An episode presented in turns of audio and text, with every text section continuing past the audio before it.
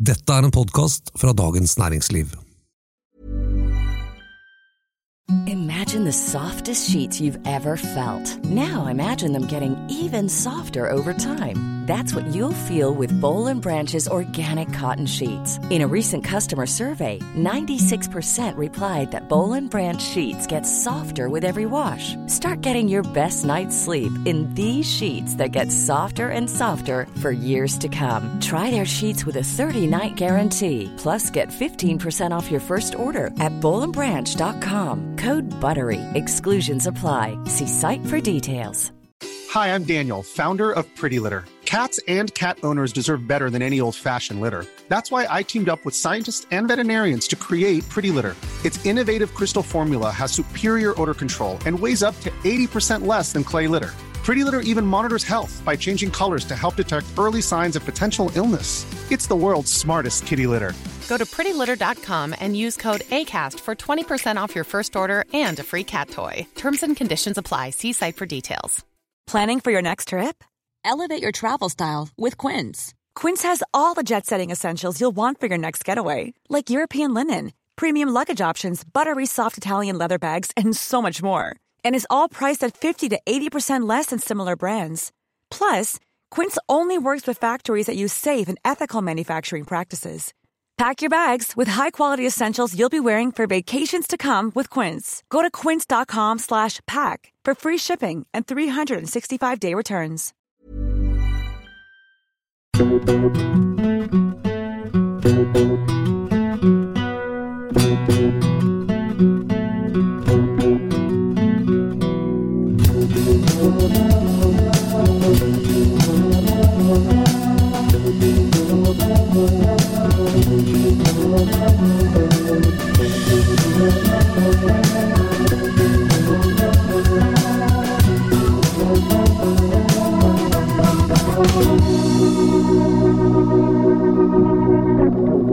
dette er Fridtjof Jacobsen fra Den politiske situasjonen.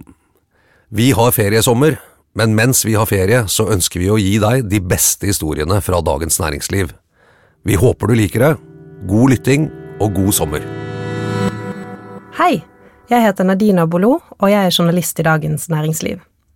Hvis du, i likhet med meg, er en sånn som gruer deg til å gi noen en dårlig nyhet, så har jeg en god nyhet til deg. Det fins en metode man kan lene seg på, som gjør det om ikke lettere, så i hvert fall litt tryggere både for deg og den som får den kjipe beskjeden. Metoden lærte jeg av to leger som har forsket på hvordan man best mulig formidler dårlige nyheter, og så skrev jeg denne saken som jeg tror alle kan lære noe av. For det fins virkelig dårlige nyheter overalt, og verken du eller jeg kommer oss unna å være budbringer fra tid til annen. God lytting! Hvordan gi dårlige nyheter av Nadia Bolo Lest av Fanny Våger Slik overbringer du en dårlig nyhet. Det du ikke vil høre, er dårlige nyheter, men noen må likevel formidle dem. Ingen elsker den som bringer onde bud. Sofokles Antigone, 442 før Kristus. Enkelte dager på jobb gruer han seg. Da kler Torstein Holten, 52, seg i den fineste tjenesteuniformen sin, den med sølvstjernene, slitekant og syv utmerkelser. Han fester den hvite snippen i den sorte presteskjorten og drar til et hus hvor han ikke er ventet. Så banker sjefspresten i hæren på døren, introduserer seg og spør kan jeg få komme inn? Holten har jobbet som prest i Forsvaret i 25 år og gjort dette mange ganger overrakt dødsbudskapet til pårørende om at et menneske de er glad i, er drept på oppdrag i utlandet eller omkommet i en ulykke her hjemme. Jeg gruer meg alltid, men det syns jeg at jeg skal gjøre, for det er en forferdelig beskjed å få og en fryktelig beskjed å gi. Han har tenkt mye på dette, hvordan skal man si noe som er så vondt? Jeg har ingen tro på å pakke ting inn den dårlige nyheten du ikke vil høre. Overalt er det dårlige nyheter. Forsiktig skyves de over bordet i medarbeidersamtaler, formaliseres i brev og e-poster, med dempet stemme i lukkede rom på institusjoner, slengt veggimellom hjemme, gjemt bort bak et dumt flir og som et PS. En pose søppel glemt i forbifarten, dyttet på deg idet du er på vei ut døren. Stotrende, snublende setninger, alvorlige, distanserte beskjeder, emosjonelle, høylytte utbrudd og kryptiske, innpakkede meldinger du ikke vil ha, men som du heller ikke vil gi. Du mister jobben, kreften er kommet tilbake, du tapte den rettssaken, kravene til banklån er ikke oppfylt, jeg vil faktisk ikke leve sammen med deg mer. Livsomveltende informasjon du helst skulle vært foruten. Alle nyheter folk egentlig ikke vil ha, er dårlige nyheter, sier psykolog Trond Mjåland. Han forklarer hva en sånn beskjed setter i gang. Den som får nyheten, lider et tap, helsemessig, økonomisk eller sosialt. Et tap utløser en sorgreaksjon, og det er vondt. For de fleste er det en uunngåelig del av livet at man iblant må påføre andre denne smerten, men noen gjør det oftere enn andre. Derfor er det snodig at vi som jobber med mennesker ikke har lært oss hvordan vi skal gå frem, sier Mjåland. Han har tatt doktorgrad i medisinsk kommunikasjon. På doktorgradsstudiet traff han lege Bård Fossli Jensen. Møtet mellom de to er blitt til en faglig forankret metode i hvordan man på best mulig måte kan formidle dårlige nyheter.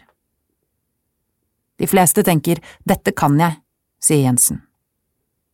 Men å snakke til mennesker i krise, være den som setter et annet menneske i krise, er en krevende oppgave. Mjåland og Jensen synes det er rart at ikke flere har en mer faglig tilnærming til hvordan de leverer fra seg dårlig nytt. For selv om det er en sentral del av legens jobb, betyr ikke det at legens talent ligger akkurat her, og dette er ikke bare en utfordring i helsevesenet. Ubehaget Mjåland og Jensen holder kurs for leger, ledere, byråkrater og andre som relativt ofte gir fra seg dårlige nyheter. De fleste undervurderer hva oppgaven innebærer, og hva den gjør med deg. Det er ubehagelig å få en dårlig nyhet, men det er også ubehagelig å gi den, sier Mjåland. Ubehaget i situasjonen er så sterkt at du som budbringer ubevisst vil prøve å komme deg bort fra det vonde, ut av det ubehagelige. Det er helt menneskelig, de fleste kjenner følelsen. Du utsetter å gi beskjed, småsnakker litt om noe annet, sammenligner situasjonen med noen som har det verre, kanskje sier du noe om at dette er en mulighet, det kan jo komme noe positivt ut av dette på lang sikt, la oss snakke om det.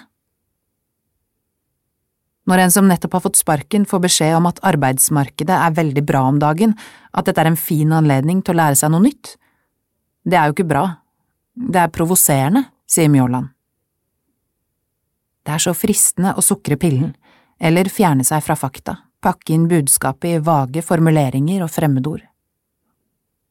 Leger sier ikke ordet kreft, men ondartet svulst, at de ser en fortetning, eller i verste fall noe malignt. Uff, kreft er så brutalt. Ja, kreft er brutalt, det blir ikke mindre brutalt av å kalle det noe annet, fortsetter Mjåland. Du kan ikke gjøre en dårlig nyhet om til en god, det er ikke mulig. Det ligger heller ikke hos deg å vurdere om det er en litt dårlig nyhet, sier Jensen, og bruker et eksempel han hørte på jobb, vi har funnet en liten kromosomfeil. Disse løsningene er sjelden gjennomtenkte, men de springer ut av et godt sted.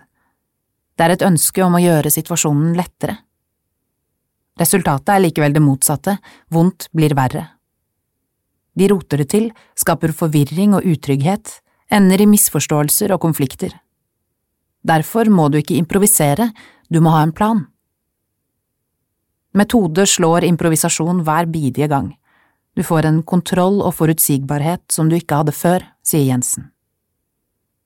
Men det holder ikke bare å ha en metode, du må trene på den, gjøre den til en erfaringsbasert, kroppslig rutine helt til du er sikker på at du mestrer den for når budskapet er alvorlig, da er det ikke rom for prøving og feiling.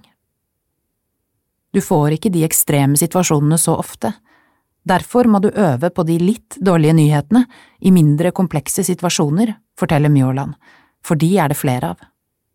Gjerne med mennesker som allerede har tillit til deg. Selv øver han hjemme hver eneste dag. Jeg trener masse på barna mine. Jeg feiler, men de kommer tilbake fordi de har tillit til meg. Da de var i tenårene, måtte jeg gi dem dårlige nyheter hele tiden, nesten alle handlet om penger. Ingen dikkedarer Hvis du ikke får 1054 kroner på en fredag, går verden under? Ja, for noen gjør den faktisk det, sier Kristin Rosenlund Ødegård. Hun er veileder og fagansvarlig på kontaktsenteret til Nav i Vestfold og Telemark. I ni år har hun stått i førstelinjen til Nav og fortalt folk at de av ulike årsaker dessverre ikke får pengene sine som forventet. Beklager, men pengene dine kommer ikke før helgen. Jeg er ikke ansvarlig for beslutningen, men jeg ser i saken at vi ikke har fått all info vi trenger for å utbetale deg. Det er en helt klassisk beskjed, sier Ødegård. Men selv om det er en vanlig beskjed å få, blir den som ringer henne selvfølgelig sint og lei seg av å høre det. Tidligere var det en utbredt praksis i Nav at de som svarte på telefonen skulle være upersonlige, bare snakke sak. De skulle ikke ta inn over seg hvilken situasjon den som ringte sto i. Det var i beste mening, Nav skulle være tall og fakta, ikke følelser, vi skulle ikke gå inn på noe dikkedarer. Hvordan fungerte det? Da var det mer klager på servicen, mer konflikt på telefonlinjen og mer høylytt i kontorlandskapet her. Nå jobber førstelinjen i Nav systematisk med empatisk kommunikasjon, å lytte til det som blir sagt, anerkjenne følelsene til menneskene de snakker med og gi respons på det innringeren opplever. Det hjelper ikke å si på en fredag at det bare er tre dager til mandag hvis den i andre enden forventet å ha penger i helgen. Vi kan si at vi forstår det er leit, det er klart det er vanskelig. Hvis det er kø på telefonlinjen, hjelper det ikke å si at det var verre i går, det er uansett kjedelig for den det gjelder å vente i dag. Den store røde knappen Det var en hektisk dag. Pandemien slo innover Norge med full styrke, daværende statsminister Erna Solberg, 61, hastet inn og ut av møter, diskuterte med rådgivere, leste rapporter fra utlandet, vurderte tiltak mot smittespredning og planla en pressekonferanse. Hele tiden, i bakhodet, hadde hun denne ene setningen, Vi må trykke på den store, røde knappen. Den hadde vært der siden hun våknet. Det var 12. mars 2020. Hun skulle stenge ned landet, men noe skurret. Det å trykke på den store røde knappen, det var typisk sånne ord som var brukt før, men de var ikke beskrivende nok for det som skulle skje. Hun skulle ikke trykke på noen knapp, sette i gang et maskineri eller skru på en bryter. Hun skulle be folk avlyse bryllup, begravelser og barnebursdager, bli hjemme, stenge døren, ikke åpne for gjester i korte trekk droppe hverandre. Det var kjipt, men nødvendig. For å få folk med seg på beslutningen, følge opplegget, var hun avhengig av at de forsto alvoret. Hun kunne ikke bare gyve løs på listen over tiltak, hun måtte først gi dem et lite signal om hva som kom, et varsel. Og den der røde knappen, den holdt bare ikke. Bent Høie hadde tenkt på det samme. Over bordet i et møte sendte han henne en lapp fra en avrevet konvolutt. Vi kommer til å måtte innføre de sterkeste og mest inngripende tiltakene vi har hatt i Norge i fredstid. I nesten to år som statsminister under pandemien var det Erna Solbergs oppgave å legge strenge føringer for all sosial kontakt i Norge og formidle det som ble bestemt. Å gi dårlige beskjeder er å ta folk med inn i beslutningene. Når det er så altomfattende for folks liv og for næringslivet, når det er så mange berørte, så er det viktig å gi eksakte og konkrete opplysninger, gjøre det tydelig og direkte, og forklare hvorfor det må gjøres. Ikke alle er som henne. Det er jo veldig mange som er veldig glad i svulstige ord, sier Solberg og ler litt. Men hvis du skal gjennom hele den der eventyrfortellingen, som ofte skjer i politiske taler, så høres det fint ut, men hva sitter folk igjen med, bortsett fra at de kanskje syns du er en flink taler? Solberg er opptatt av at folk skal skjønne hva hun sier og huske det hun har sagt. Si hva du skal snakke om, snakk om det, og si hva du har snakket om. Da sitter det igjen hos folk. Det viktige varselet Generelt, forklarer Trond Mjåland og Bård Fossli Jensen, er det lurt å gi mottakeren av en dårlig nyhet et lite varsel før du setter i gang. Da får vedkommende anledning til å samle seg. Den andre må få tid til å hente frem det beste i seg selv og sette opp et emosjonelt forsvar, uten det er man sårbar og hudløs. Varselet kan være så enkelt som å si jeg har en dårlig nyhet, og kanskje et signal om nøyaktig hva det handler om. Det ligger heller ikke hos deg å vurdere om det er en litt dårlig nyhet, sier Jensen. Du må tilpasse varselet graden av alvor. Du kan ikke si jeg har en dårlig nyhet på samme måte, uavhengig av om nyheten gjelder en hjernesvulstdiagnose eller at legen er forsinket, understreker han. Du kan også signalisere alvoret på en annen måte, ved å gå inn i et annet rom og kommentere at du lukker døren, legger Mjåland til. Så tar du en liten pause, bare et sekund, sånn at du er sikker på at du har den andres fulle oppmerksomhet. Bruddet Barna har flyttet ut, og nå, endelig, tenker hun, skal forholdet virkelig prioriteres. Det er oss to. Det er da han sier det, helt uten forvarsel, foran terapeuten, at hjemme, i huset der de har bodd sammen i over 20 år, står kofferten pakket. Han er fullstendig ferdig med henne. Plutselig blir hun bare dyttet utfor et stup. Denne følelsen av å bli forlatt, å bli hengende i løse luften, det er sjokk og vantro, sier psykolog og samlivsterapeut Andreas Løs Narum. Han er allerede ferdig med prosessen, emosjonelt er han klar for å gå videre, glad for å få det overstått. Hun er lamslått og redd, sint og lei seg. Hun skjønner ikke hva som skjer, fortsetter han. Det mystiske er at de som gjør det slutt på denne måten, som regel er helt uenige i at bruddet kommer som lyn fra klar himmel. De som går, føler selv at de har sagt ifra, men de har egentlig bare mumlet i skjegget. Det de har sagt, har vært umulig for den andre å forstå. Så blir de lei seg og slutter etter hvert å si noe som helst. De tror at partneren er tankeleser, men ingen er det, sier Narum. I nære relasjoner må man varsle før det er for sent. Involvere den andre i at forholdet ikke går bra, gi partneren tid til å erkjenne det, mulighet til å endre på noe og anledning til å slåss for forholdet. Du må si fra i så god tid som mulig, jeg har det ikke bra, det brenner på dass, her må vi gjøre noe. Hvis du ikke får dratt med den andre inn i prosessen og skaper en forståelse for hvorfor forholdet går mot slutten, øker smerten ved bruddet vesentlig, og det blir mye verre for den andre å komme seg videre. Det finnes likevel et slags unntak fra denne regelen. Den eneste måten du kan gjøre det slutt på fort, og finne en viss forståelse for det, er ved utroskap.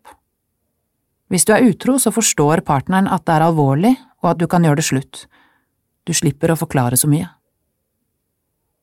Så utroskap er en quick fix? Jeg vet ikke helt om jeg vil kalle det det.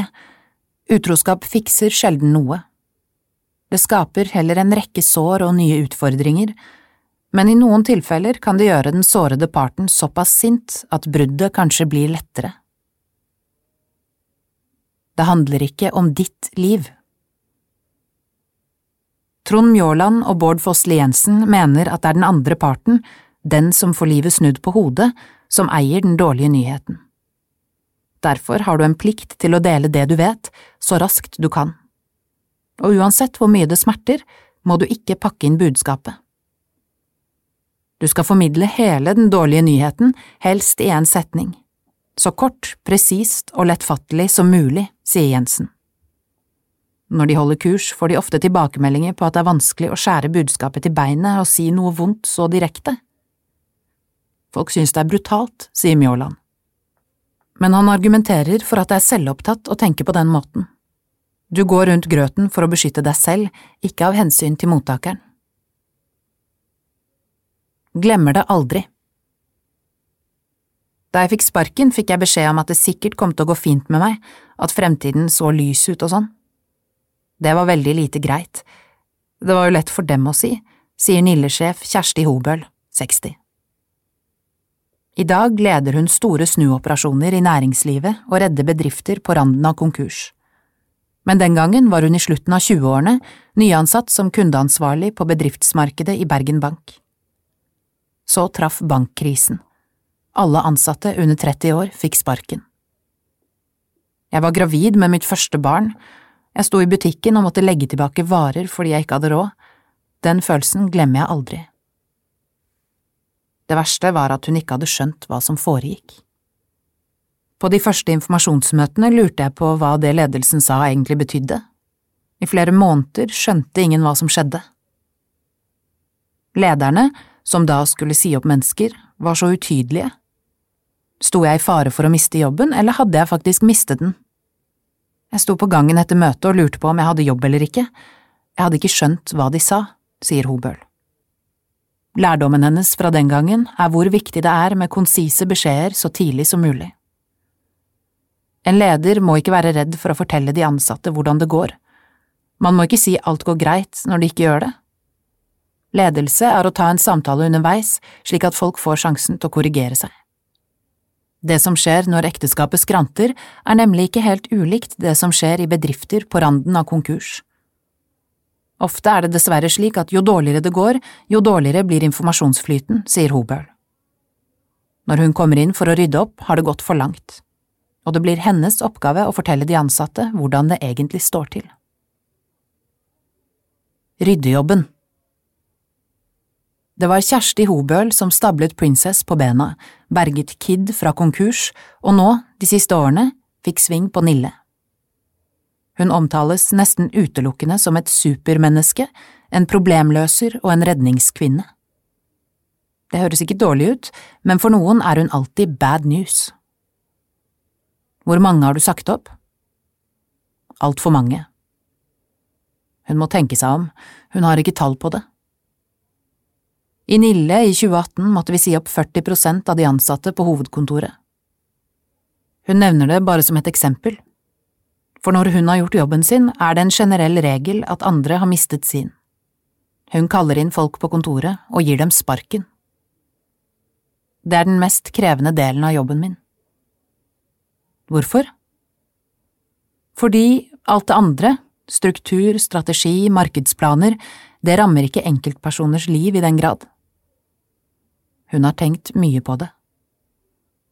Noen andre river bort grunnen under bena på deg, du har ingen styring selv, du blir helt paralysert. Hvordan gjør du det? Det er krevende, du må kalle en spade for en spade.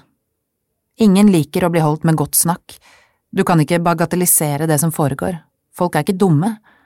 Det å begynne å krydre samtalen og si at folk kommer styrket ut av dette, det må man bare ikke si. Stillheten Etter at du har overbrakt den dårlige nyheten, skal du være stille.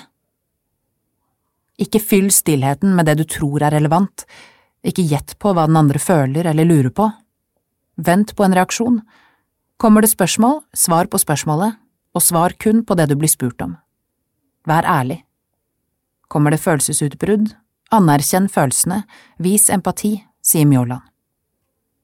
Det er en utbredt misforståelse at det lønner seg å være emosjonelt distansert. Idealet tidligere har vært at en lege skal se på pasienten som et kadaver på disseksjonsbordet. Det er helt tragisk, sier Fossli Jensen. Andres smerte Bare synet av sjefspresten i hæren, uanmeldt i døråpningen, gir folk et varsel om at noe er fryktelig galt. Kanskje kommer jeg på ettermiddagen eller kvelden når folk ikke forventet besøk. Og når jeg står der, i presteskjorten, så skjønner folk som regel at det har skjedd noe alvorlig. Da spør jeg, kan jeg få komme inn? Når jeg har kommet inn, spør jeg, er det et sted vi kan sette oss? Folk reagerer forskjellig. Noen faller fysisk sammen. Derfor vil jeg at vi skal sette oss ned. Så sier jeg, jeg kommer for å overbringe et vondt budskap til deg, og så forteller jeg hva som har skjedd, sier Torstein Holten. Så står han i det. Det er en sjokkartet beskjed å få at noen er død, i hvert fall hvis det er uventet. Men selv om det er vondt, så tåler mennesker vanskelige beskjeder. Som ung prest hadde jeg kanskje noen tanker om at jeg kunne gjøre situasjonen lettere, men det har jeg ikke lenger. Jeg er blitt mer komfortabel med det ukomfortable. Det må få lov til å være vondt, og jeg må utholde den andres smerte. Holten synes det er viktig å ikke glemme at du også må balansere egne følelser i disse situasjonene. På den ene siden er det lurt å ha en viss kontroll på følelsene, sette dem litt til side, ikke la deg overmanne av frykt. Men følelsene er også din venn, du må kjenne på at det er forferdelig for den andre. Det er der du finner empatien og evnen til å være nær. For de som ikke har gjort dette så mange ganger, tror han det kan være fornuftig å ha en metode å støtte seg til.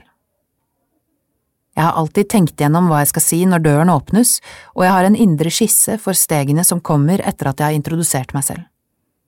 Det er en hjelp for meg å skape en viss orden når jeg vet budskapet vil skape kaos hos den andre, sier Holten. Selv om det er en del av jobben, så blir det aldri rutine. Å få beskjed om å gå med et dødsbudskap kommer også brått på presten. Jeg vet om prester som er blitt fullstendig lammet av situasjonen. På små steder kjenner presten alle, noe som gjør det ekstra krevende. Det har nok hendt at det er de pårørende som har måttet ta seg av presten. Slik gir du en dårlig nyhet. Gi et varsel, jeg har en dårlig nyhet om, si et stikkord om hva det dreier seg om. Ta ett sekunds pause, den andre må få anledning til å samle seg. Fortell hele den dårlige nyheten så kort og konsist som mulig, helst i én setning. Gjenta budskapet dersom den andre ikke får det med seg.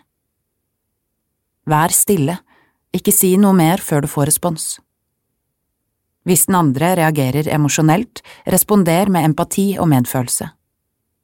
Hvis den andre stiller faktaspørsmål, svar på spørsmål og kun det du blir spurt om. Hvis den andre reagerer med en blanding av følelser og spørsmål, responder først på følelsene, ta spørsmålene etterpå. Mjåland T. og Fossli Jensen B. 2020 Kommunikasjon med pasienter Universitetsforlaget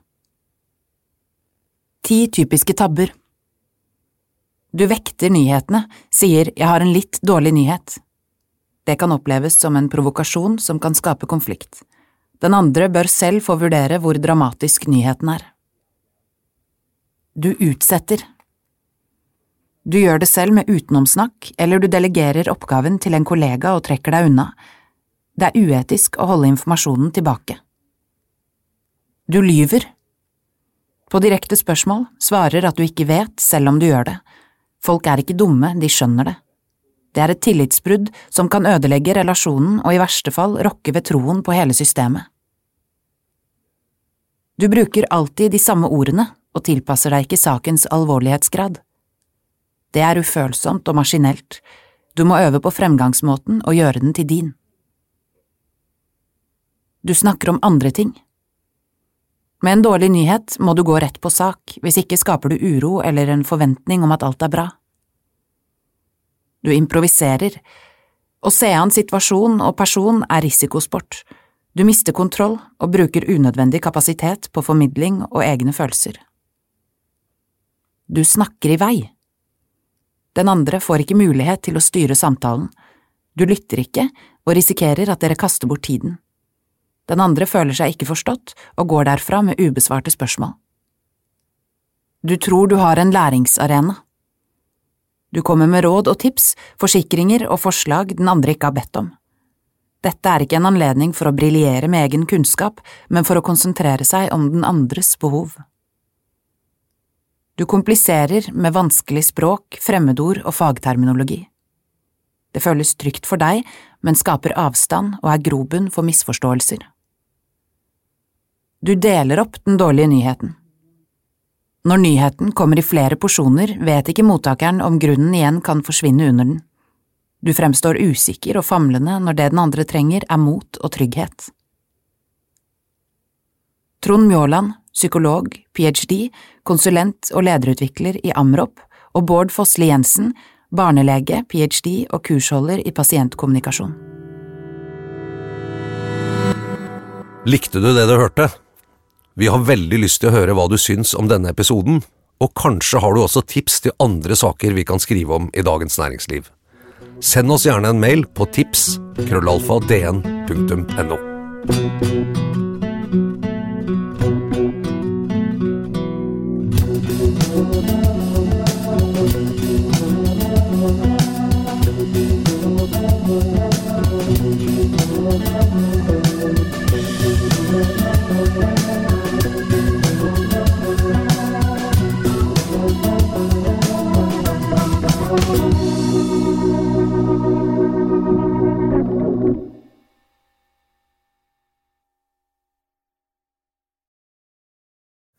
Du har nå hørt en podkast fra Dagens Næringsliv.